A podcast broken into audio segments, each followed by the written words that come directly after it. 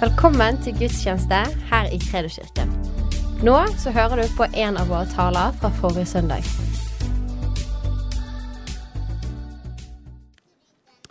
Eh, Det er jo, det er jo slik at eh, eh, noen ganger så, så har vår oppfatning av folk Det, det, det liksom preger oss litt. Grann, at den er sånn og slik og slik. Og, og eh, jeg, eh, jeg vokste opp på Vaksdal.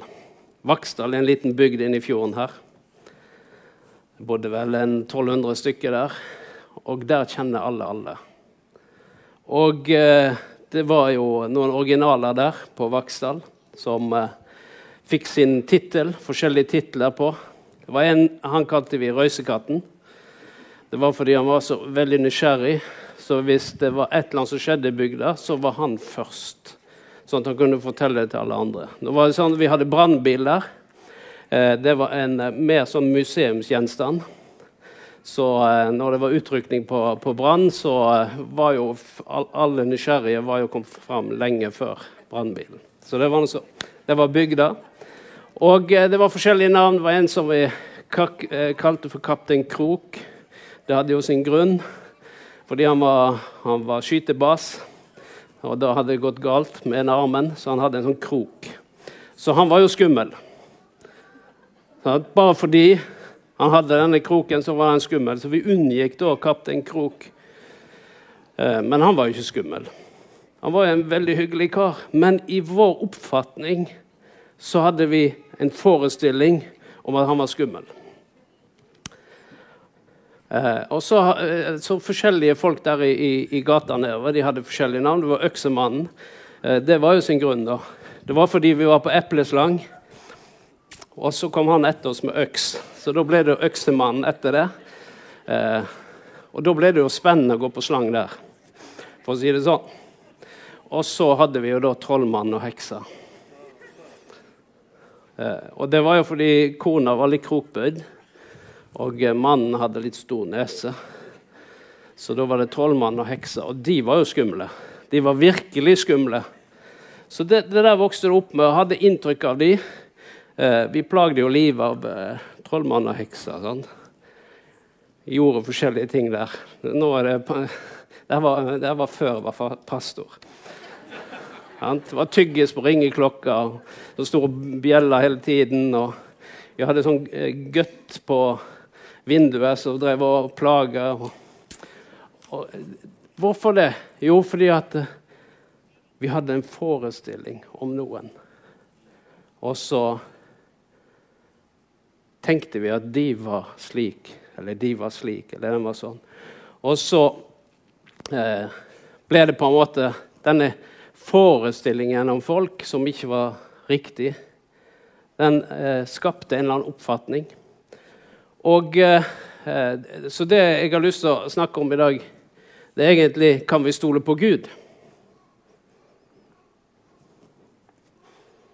Det var en litt rar innledning, men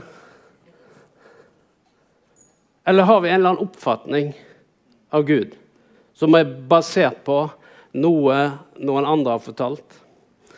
Eller noen ting som vi tror eller oppfatter? Eller kanskje det er et bilde som er skapt pga. at uh, et eller annet har skjedd? eller kanskje en, en, en person har sagt eller gjort noe.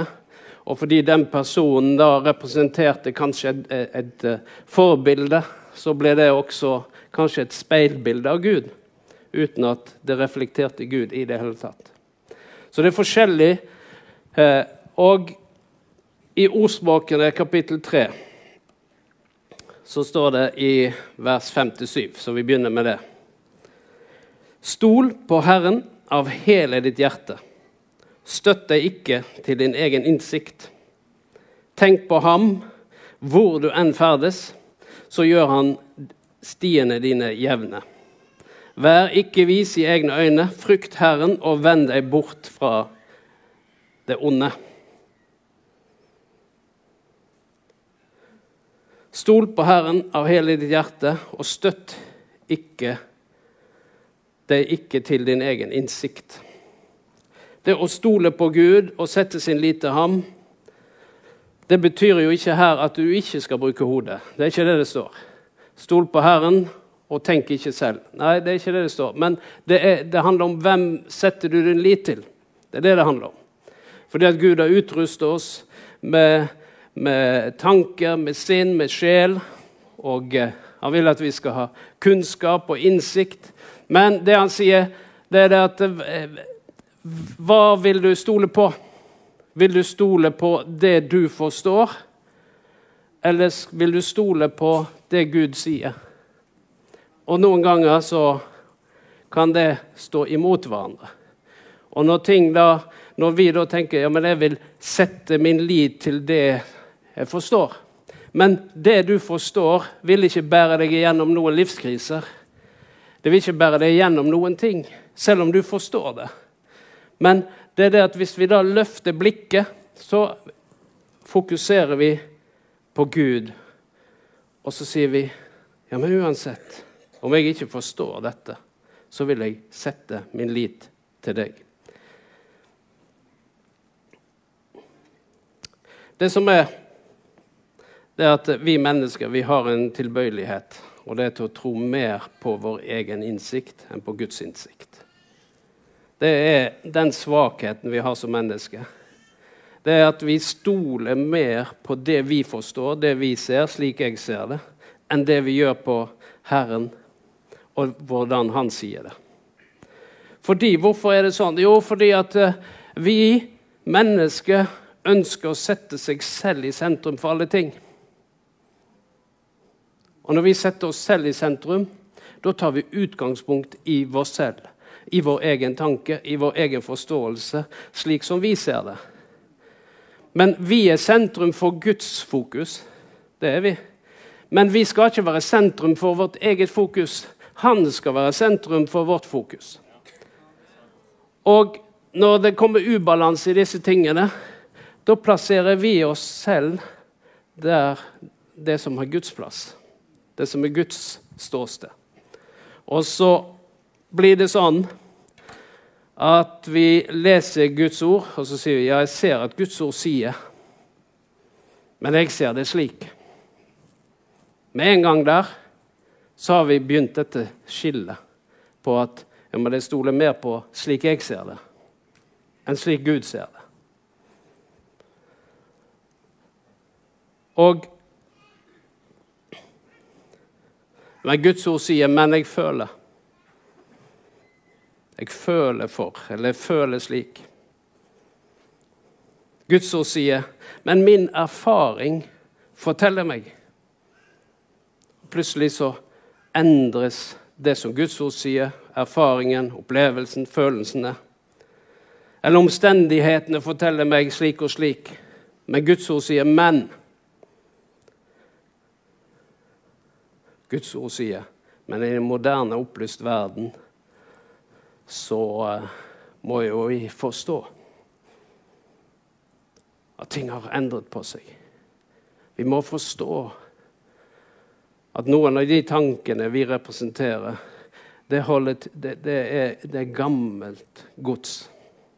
Det er gammel forståelse. Vi kan ikke leve på steinalderen. Vi må leve her og nå, og nå i en opplyst verden.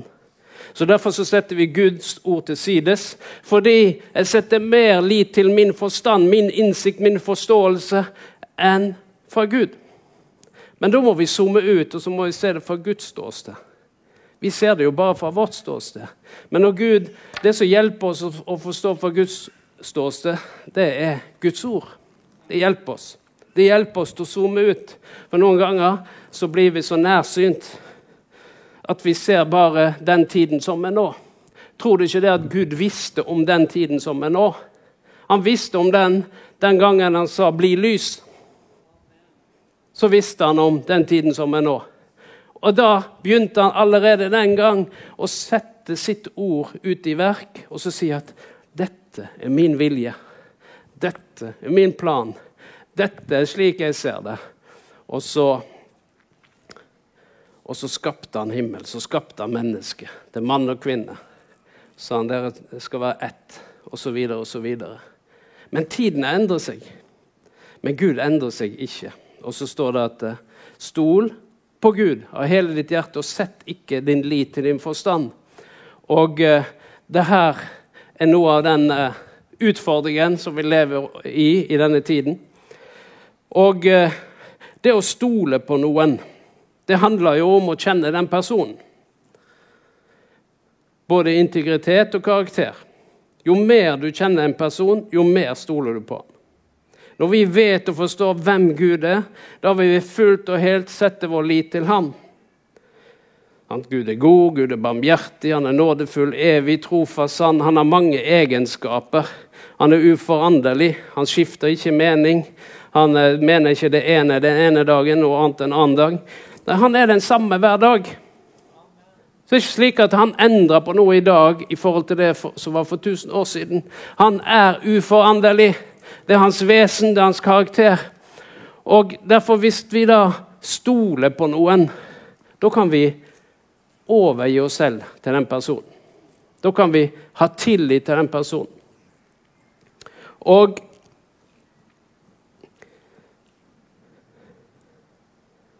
Vi skal se i uh, Fjerde Mosebok. Der står det i vers 19 20. Gud er ikke et menneske så han lyver, et menneskebarn så han skifter sinn. Gjør han ikke det han sier, holder han ikke det han lover. Jeg fikk i oppdrag å velsigne, men velsigne han kan ikke jeg gjøre det om. Dette er altså Biliam, denne profeten Biliam som uh, de, uh, Israel er på vei fra Egypt og inn i det løfteslandet. Og så møter de uh, forskjellige konger under, underveis. Og det er ikke alle konger som vil, vil godta at Israel kommer der, så de begynner å stride mot dem. Men så er det en som tenker at nå skal jeg gjøre, en, nå skal jeg gjøre det her på min måte. Så han sier jeg trenger en profet som heter Biliam. Og denne her profeten han skal komme nå, stå på høyden her, og så skal han forbanne Israel. Det er det han får i oppdrag. Så han kaller på profeten Biliam. Biliam han er på vei med eselet sitt. Og eh, plutselig så stopper eselet og vil ikke gå. Han det er der uttrykket kommer, sta som et esel. sant? Han bare stopper der og vil ikke gå. Da blir jo Biliam sint på dette eselet sitt, så han slår eselet tre ganger. Og Da snur eselet seg og begynner å snakke. Sant? Det er da du skjønner en profet som er på tur. Når du ikke reagerer når eselet snakker. liksom. Sant? Så snur eselet og sier, 'Hvorfor slår du meg tre ganger?' Har jeg gjort noe galt? At du da begynner å ha en dialog med et esel, så skjønner du at uh, OK, jeg var et litt annet nivå. Sant? Jeg vet at Tanja snakker med hunden, men uh, den dagen hunden svarer, så, så skjønner jeg nå er det noe på ferde her. Men uh, så langt så er det bare logring og bjeffing. Ja. Så, men i hvert fall så, så, så er det sånn at vi snakker jo til dyrene. Men den dagen de svarer tilbake, så skjønner du at mm, her er nå muffens. Så, så, begynner han å ha en prat med eselet der. Og så sier jeg, jeg, jeg skulle tatt livet av det, sier han. Som ikke er lydig. Og da plutselig så ser han at eh, Herrens engel står rett foran med et sverd i hånden. Så da skjønte han hvorfor eselet hadde stoppa. Så da begynner Gud å tale inn i, i livet til Biliam og sier at du er nå på ferd til å forbanne mitt folk. Men hvis du vil leve, så skal du kun si det jeg sier du skal si, ikke noe annet. Det høres ut som litt sånn som vi kan ha det av og til. At vi vil gjerne ha vår egen mening, våre egne ord. Men så da får han et valg, og så kommer han ned til kongen der i Moab. Og så sier Moab nå tenner vi noe alter her, og så fyrer de opp. Og så sier han ja, men da må jeg gå vekk litt, sier Biliam, for jeg hører hva Gud ønsker at jeg skal si. Ja, ja, bare gå, liksom. Og Oppdraget er 'forbanne Israel'. Så kommer han tilbake, og det er bare velsignelse, for Gud sier 'velsign mitt folk'. Så han kommer fram på høyden og begynner å velsigne, og det er full panikk. Fordi 'ja, men hva er det du holder på med', sa du skulle forbanne. Og det her skjer tre ganger. Og det er da, det er da dette ordet kommer. At uh, Gud er ikke et menneske som han lyver. Hvorfor det? Jo, fordi at Gud hadde allerede sagt at han skulle velsigne sitt folk. Så da hjelper det ikke om du får en profet eller hvem som helst annen til å si det motsatte. Fordi hvis du vil være en gudstjener, hvis du vil være på Guds parti, da må du si det som Gud sier. Og Derfor er det slik at han sier at 'jeg fikk i oppdrag å velsigne'. Og velsigner Han, så kan ikke jeg gjøre noe annet. Og det skal være vår innstilling. Fordi vi tjener en Gud som hva står det her, ikke skifter sinn. Som ikke er et menneskebarn. Gjør han ikke det han sier, og holder han ikke det han lover. Og Det er noe av det som vi ser i verset her, det er å forstå hvordan Gud er. At Gud er ikke et menneske. Og dersom vi sammenligner Gud med et menneske, da kommer vi fram til feil konklusjon. Og hvis vi da begynner å si det som mennesket sier, istedenfor det Gud sier Når vi begynner å konkludere med at ja, jeg vet at Gud sier, men jeg mener. Jeg vet at Gud sier, men jeg føler. Jeg vet at Gud sier, men mine omstendigheter forteller meg. Min fornuft forteller meg. Jo, men når fornuften står i veien for det Gud sier, hva må du da gjøre? Da må du velge. Skal jeg stole på det Gud sier, eller skal jeg stole på mitt eget sinn og min egen forstand? Vi vet jo svaret. Men det her er noe av den knivseggen. Det her er noe av, av, av de brytningene vi står i. Fordi vi lever i en opplyst verden som er full av kunnskap, full av informasjon, full av følelser. Veldig mye av det vi definerer som sannhet i dag, det er ikke basert på, på vitenskap, eller noen ting, men på følelser. Ja, men vi føler at Jeg føler det, og føler det andre. Og hvis du bare føler ting lenge nok, til og med for oss selv, så kan det fremstå som en sannhet. Blir ikke vi lurt av og til av våre følelser? Jeg har blitt lurt av mine følelser. Og plutselig så tror jeg at det er sant, fordi jeg har følt det så veldig lenge. Og så tror jeg at det er sant. Ja, men det her er jo slik. Og slik er det i verden i dag. Så er det veldig mye vi føler. Og vi skal ikke bli krenket, og vi skal ikke det ene og det andre. Og hele tiden så er det vi som er i sentrum for alle ting. Selvfølgelig skal ikke vi krenke hverandre eller se ned på hverandre eller forakte hverandre. Nei, vi skal ha en høy standard, og det er at vi skal velsigne. Vi skal velsigne uansett hva som skjer rundt oss, men vi skal òg ha lov til å si at det, hvis Gud sier dette, så kan ikke jeg gjøre det om. Hvis Gud har sagt noe om dette, så kan ikke jeg gjøre det om. Hvis Gud har sagt at ekteskapet er mellom mann og kvinne, så er det jo ingen prest i dette landet som kan gjøre det om. Det er det som er problemet. Vi gjør om Guds ord fordi Ja, men min erfaring. Ja, men ekte, øh, øh, følelser. Ja, men det og det skjer. Ja, men Men hva har Gud sagt? Hva sier Gud om disse tingene? Og da kan ikke jeg gjøre det om. Og Det er det vi må forstå. Vi må forstå vårt mandat. Og vårt mandat det er å si det Gud sier. Det er å gjøre det Gud gjør.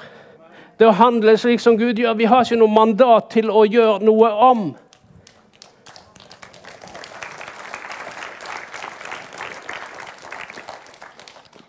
Men vi skal velsigne. Vi skal ikke komme i en grøft hvor vi begynner å forbanne. Nei, det er ikke vårt kall. Det er ikke vårt kall å forbanne, vårt kall er å velsigne. Vårt kall er å forkynne sannheten, vårt kall er å forkynne evangeliet. Det er å forkynne nåde, eh, tilgivelse, gjenopprettelse, frihet og glede og fred i Gud. Det er det som vi skal forkynne og gi videre. For det livet vi har fått, det kan vi gi. Og det livet vi har fått, det kan ingen ta ifra oss. Jakob sier at all god gave, all fullkommen gave, kommer ovenfra, fra ham som er himmelen, himmellysets far. Så står det at hos ham er det ingen forandring eller skiftende skygge. Dette er Jakob. Nå leser vi Gamle testamentet. Nå har vi hoppa over til Jakobs brev. I Det nye testamentet, kapittel 1 og vers 17. Hos ham, altså hos Gud, er det ingen forandring eller skiftende skygge. Hva betyr det? Eh, hvordan er det skiftende skygge? Jo, ettersom solen går og døgnene forandrer seg, og vær og vind, så kan det være skiftende skygge. Og det er det vi opplever i denne verden. Det er skiftende skygge. Men hos Gud er det ingen skiftende skygge. Det er ingen forandring hos Gud. Han er den samme i går, i dag og til evig tid. Jesus sier det om seg selv.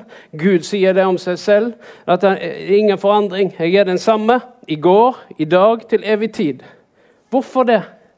Jo, fordi han er ikke et menneskebarn. Han er Gud. Himmelens og jordens skaper. Og vi må aldri noen gang sammenligne Gud med oss selv. Forfølelser, opplevelser, erfaringer, omstendigheter. Det forandrer seg hele tiden i våre liv. Det er hele tiden forandringer. Jeg kan føle meg høyt oppe den ene dagen, og så neste dag så er det litt dårlig stemning. Kjenner liksom å, jeg var litt trøtt i dag. Det var tungt å stå opp i dag, for jeg var så trøtt. Men Gud er jo like nærme fordi om jeg er trøtt. Jeg er litt trøtt i dag, så da er Gud langt borte. Fordi jeg føler han ikke. Fordi jeg er så trøtt, så føler jeg ikke Gud. Men vi baserer jo ikke vår kristenliv på følelser, men fordi vi er født. Vi, vi lurer ikke, du lurer ikke på om morgenen er jeg født, selv om du er trøtt så er ikke det spørsmålet om du er født eller ikke. Det stiller du aldri. Men sånn er det for enkelte ganger når det gjelder troen vår. Så lurer jeg på er jeg født eller ikke. Hvorfor sier jeg det? Jo, fordi det står at eh, den som tror at vi er født på ny står det. Vi er født en gang til. Og den som er født på ny, han er født ovenfra. Og vi er født jordisk, og vi er født ovenfra. Men vi lurer aldri på, selv om vi er trøtt om morgenen, om vi er født. Men noen ganger lurer vi på om vi er født på ny fordi vi er trøtt. Fordi vi ikke føler Gud. Det er ikke alltid vi føler Gud. Jeg føler ikke Gud hele tiden. Og vi trenger ikke gå rundt og føle Gud. Det eneste vi trenger å vite, fordi at det livet vi har fått, det er at vi skal vandre i tro, står det. Den rettferdige skal leve av tro til tro og ved tro. Så dette her er trosliv. Men denne verden kan være et følelsesliv. Og de endrer seg.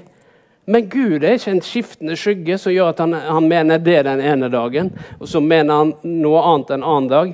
Og så er han for deg der, og så er han mot deg, og så er han Eh, holder han seg vekk fra deg, og så holder han seg nær deg. og så Alt ettersom hva som skjer i ditt liv. Nei, det, hva som skjer i ditt liv, berører ikke hva som skjer i Guds liv. Fordi han er den samme.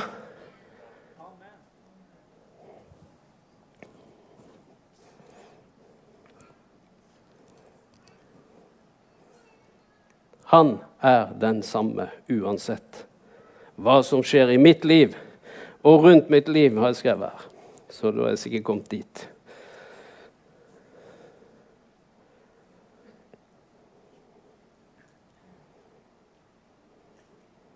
Verken Gud eller Guds ord endrer seg. Det er det som er.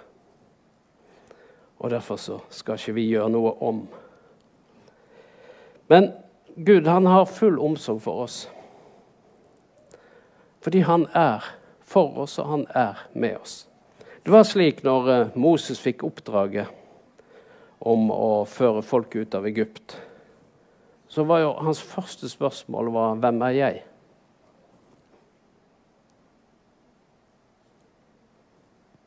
Så hvorfor skal jeg gjøre dette? Hvem er jeg? Altså, det, det går ikke, det. Men så sier Gud det handler ikke om deg. Det handler om fordi jeg er med deg.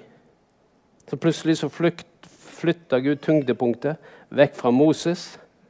Så sa 'Hvem er jeg som kan få dette til?' Så sa han 'Nei, det handler ikke om deg. Det handler om meg'.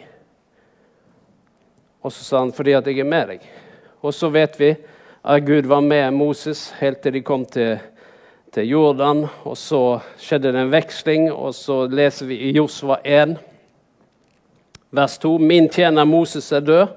Derfor skal du nå bryte opp og gå over denne Jordanelven, du og hele dette folket, til det landet som jeg gir dem, Israel. Og så sier han i vers 5.: På samme måte som jeg var med Moses, slik skal jeg være med deg, fordi jeg skal ikke slippe deg og ikke forlate deg. Og Josva hadde sett hvordan Gud var med Moses gjennom ørkenen i alle forskjellige situasjoner. Og plutselig så er Moses borte. Og Josva kan tenke 'hvordan skal dette gå'?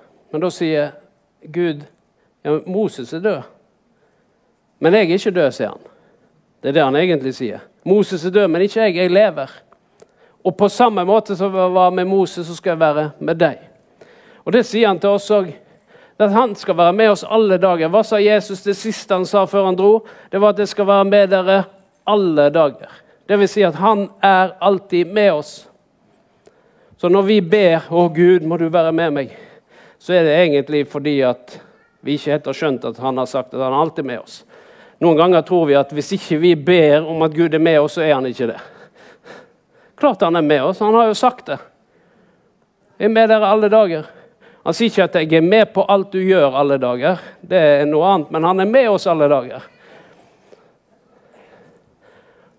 Mens vi ber 'Å Gud, må du være med meg', sier vi. Og så har vi en annen bønn som er ganske mye brukt. Det er dette 'Gud, nå må du beskytte meg'. Har du, har du lest det? Har du bedt en sånn bønn? Når du skal et eller annet 'Gud, beskytt meg'. Som om, hvis du ikke ber den bønnen, da, tynt, da ligger det tynt an. Sant? For egentlig så har det med litt av gudsbildet vårt å gjøre.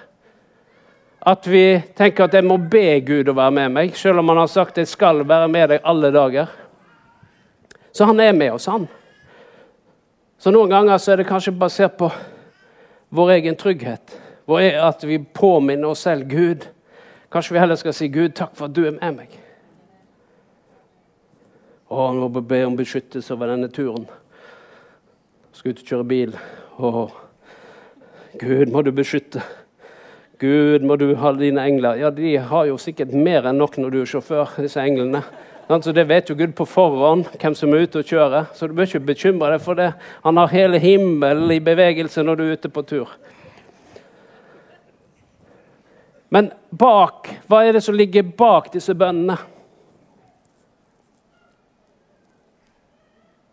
det kommer Gud til å være med meg, selv om jeg har glemt å be denne bønnen. Og Den andre siden er det at vi involverer Gud, for det var det vi leste til å begynne med. Tenk på ham hvor du enn ferdes, så gjør han dine stier jevne. Og Det er kanskje det det egentlig handler om, at vi ønsker å tenke på ham. Men vi skal vite det, at han er med oss alle dager om du skulle glemme å be den ene eller andre bønnen, så er han med oss fordi han har sagt at han er med oss. Og Han sa det til Josva, han sa det til Jesus, og i romerbrevet sa han at eh, for hvis Gud er for oss, hvem kan da være imot oss? Han er for oss, han er med oss, han er ikke imot oss. Og til og med i 2. Timoteus 2,13 så står det 'Er vi troløse'? så kommer han til å svikte. Nei, så er han trofast. For han kan ikke fornekte seg selv. Hvorfor står det at han ikke kan fornekte seg selv? Det er, det, det er, like interessant. Det er fordi at det er hans karakter. At han er trofast. Det er slik han er. Og han kommer aldri til å svikte. Så selv om vi er troløse, så vil ikke det endre på hans karakter. Fordi han er ikke et menneske, han er Gud. Så han er trofast hele tiden. Når jeg vokste opp, så lærte vi å be aftenbønn. Så hadde vi en aftenbønn. Og den aftenbønnen, den har du kanskje hørt. Den var slik, kjære Gud, jeg har det godt. Takk for alt som jeg har fått. Du er god, du holder av meg. Kjære Gud, gå aldri fra meg. Pass på liten og på stor. Gud bevare far og mor og alle barn på jord. Er det noen som har hørt den? Ikke alle. Så den vokste jeg opp med. Og så fikk jeg barn sjøl. Plutselig så gikk det opp for meg at jeg kan ikke be den bønnen med mine barn. Det der er jo en forferdelig bønn. Den er jo helt grusom, den bønnen der. Den er jo full av frykt. Og den er helt ubibelsk. I hvert fall innimellom der. Ikke 'Kjære Gud, jeg har det godt, takk for alt som gjør'. Du er god, du holder av meg, kjære Gud. Ja, kjære Gud. Hva er det? Kjære Gud. Gå aldri fra meg. Er det Guds ord? Var det det vi leste her? Om vi er troløse, så går han fra oss. Men det er det vi har lært i vår oppvekst, våre barn. Kjære Gud, gå aldri fra meg. Det er ikke rart at barn da begynner å lure på hvilket gudsbilde. For en er blitt indoktrinert med at du vet jo aldri når Gud går fra deg. Det har jeg aldri tenkt på før, sier du. Det har jeg aldri tenkt på. Nei, men da er det på tide du tenker på det. Så jeg lagde mine egne bønner til mine barn. Og da eh, tenkte jeg vi må jo proklamere Guds ord. Så da lagde jeg en bønn som het eh, slik at i fred vil jeg legge meg og sove. For bare du, Herre, la meg hvile trygt. Og når jeg legger meg, skal min søvn være søt. Og så slengte vi av og til på litt. Og alt makt er Han som gjør meg sterk. Og ingenting er umulig for den som tror. Vi la på litt sånn av og til og på slutten der. Så jeg fant ut at jeg kan ikke lære mine barn at Gud Altså Hver eneste kveld så skal de bekjenne 'Kjære Gud, gå aldri fra meg'. Så da lagde jeg nye bønner. Det er faktisk sånn at Mange ganger så gjør vi ting av tradisjon uten å tenke igjennom ja, men hva er det vi holder på med. Å Gud, nå må du beskytte meg. Å Gud. Som om han tenker å, det var bare det jeg har satt og venta på nå. At han skulle be den bønnen slik at jeg kunne sende mine engler. Nei, vi snakker om Guds bilde. Det at Gud er større til og med enn våre feilaktige bønner, så er han større enn det. Men jeg tror at eh, noen ganger så formes gudsbildet vårt fra ting som vi har som er tradisjon, ting vi har hørt, ting vi har opplevd. Og så plutselig så får vi et bilde av Gud, og så begynner han å ligne på et menneske. For mennesket svikter. Mennesket kan gå fra oss, men Gud går aldri fra oss. Han er trofast. Og til og med når vi er trå, tro, ikke trådløse, men troløse Gjerne be deg i dusjen òg når du er trådløs. Regner med du dusjer naken. Men til og med der er han med deg. Så står det i Jakob 4, vers 8.: Hold dere nær til Gud, så skal Han holde seg nær til dere.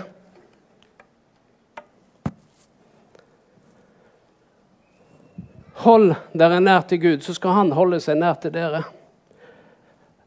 Så da virker det på meg som at uh, det er ikke Gud det står på, men det er i så fall oss. Det er ikke Han som trekker seg bort fra oss. I så fall er det vi som trekker seg bort fra Han. For Han vil alltid holde seg nær. Men hvis jeg trekker meg unna, så kan det bli litt avstand. Betyr det at det er fordi vi har vært troløse, så holder han seg borte? Eller det og det har skjedd i livet? Nei, det har ikke noe med det. Det er faktisk at vi trekker oss unna. Fordi det å holde seg nær til Gud, det er en aktiv handling. Det er noe som beskriver noe som vi ønsker. Jeg ønsker å holde meg nær til Gud. Og det tror jeg er alle troendes ønske. Men noen ganger så kan vi gli bort. Men da er det ikke slik at Gud sier 'nå holder jeg meg borte fra deg'. Nei, da sier han 'kom tilbake til meg'. sier han. Jeg står her, jeg. Så hvis du trekker tilbake til meg, så er jeg der. Så hold deg nær til meg. Det er oppfordringen. Så Gud, han skifter ikke mening. Og Gud, han er til å stole på, fordi han er ikke et menneskebarn. Han er Gud selv. Og Derfor så kan vi stole på han i alle ting. Og vi kan legge våre, hen, våre liv i hans hender.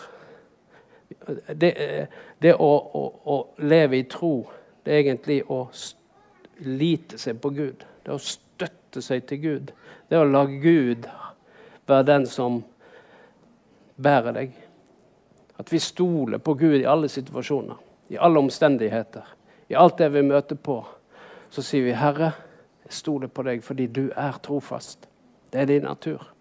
Du svikter meg aldri. Du snur aldri ryggen til meg. Fordi du er trofast. Om vi er troløse, så er du trofast. Og det er den Gud som vi har. Det er en Gud som vi kan stole på. Vi kan stole på Han i alle ting. I alle situasjoner. I alle livets faser. Om jeg går gjennom dødsskyggens dal, leser vi salme, salme 23, så frykter jeg ikke noe vondt. ondt. Hvorfor? For du er med meg. Til og med der, i dødsskyggens dal, så er han med oss. Han er til og med med oss der vi ikke føler For i dødsskyggens dal føler du ikke Guds nærvær, skal jeg si deg. Men han er der likevel. Han er med oss på fjellet. Han er med oss i dødsskyggens dal. Han er med oss i alle livets situasjoner. Skal vi reise oss og be?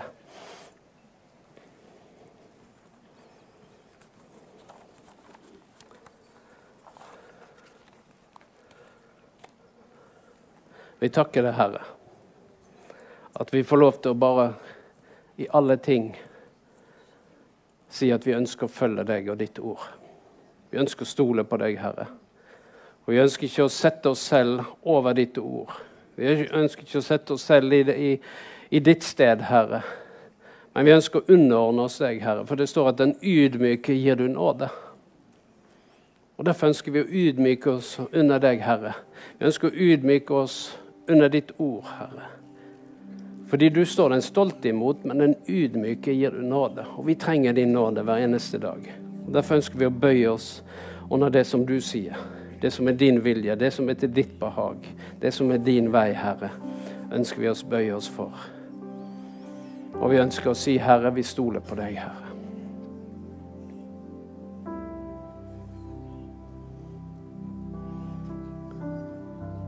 Om det er ting som har truffet våre liv.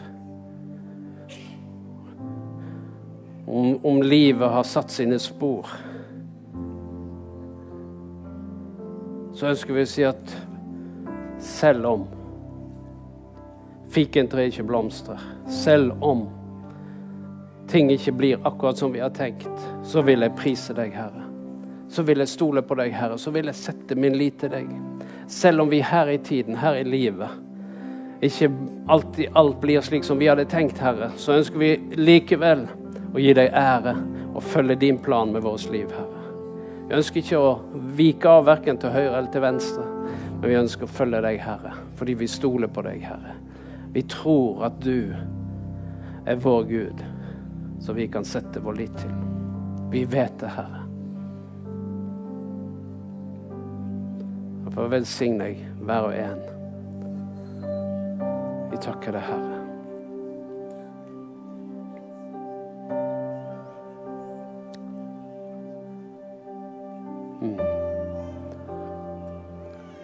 Noen ganger så er det slik at Gud vil gi oss nye erfaringer. Og jeg tror at Gud skal gi noen her nye erfaringer med seg. Nye opplevelser med Gud. Fordi en har noen erfaringer som en har lagt til grunn for at eh, En har satt det som en eh, forståelse av at slik er det. Og nå skal du legge de erfaringene ved Jesu kors. Du skal si, nå legger jeg det der, og så skal du si, Herre, jeg trenger at du gir meg nye erfaringer med deg. Vi takker deg for det, Herre.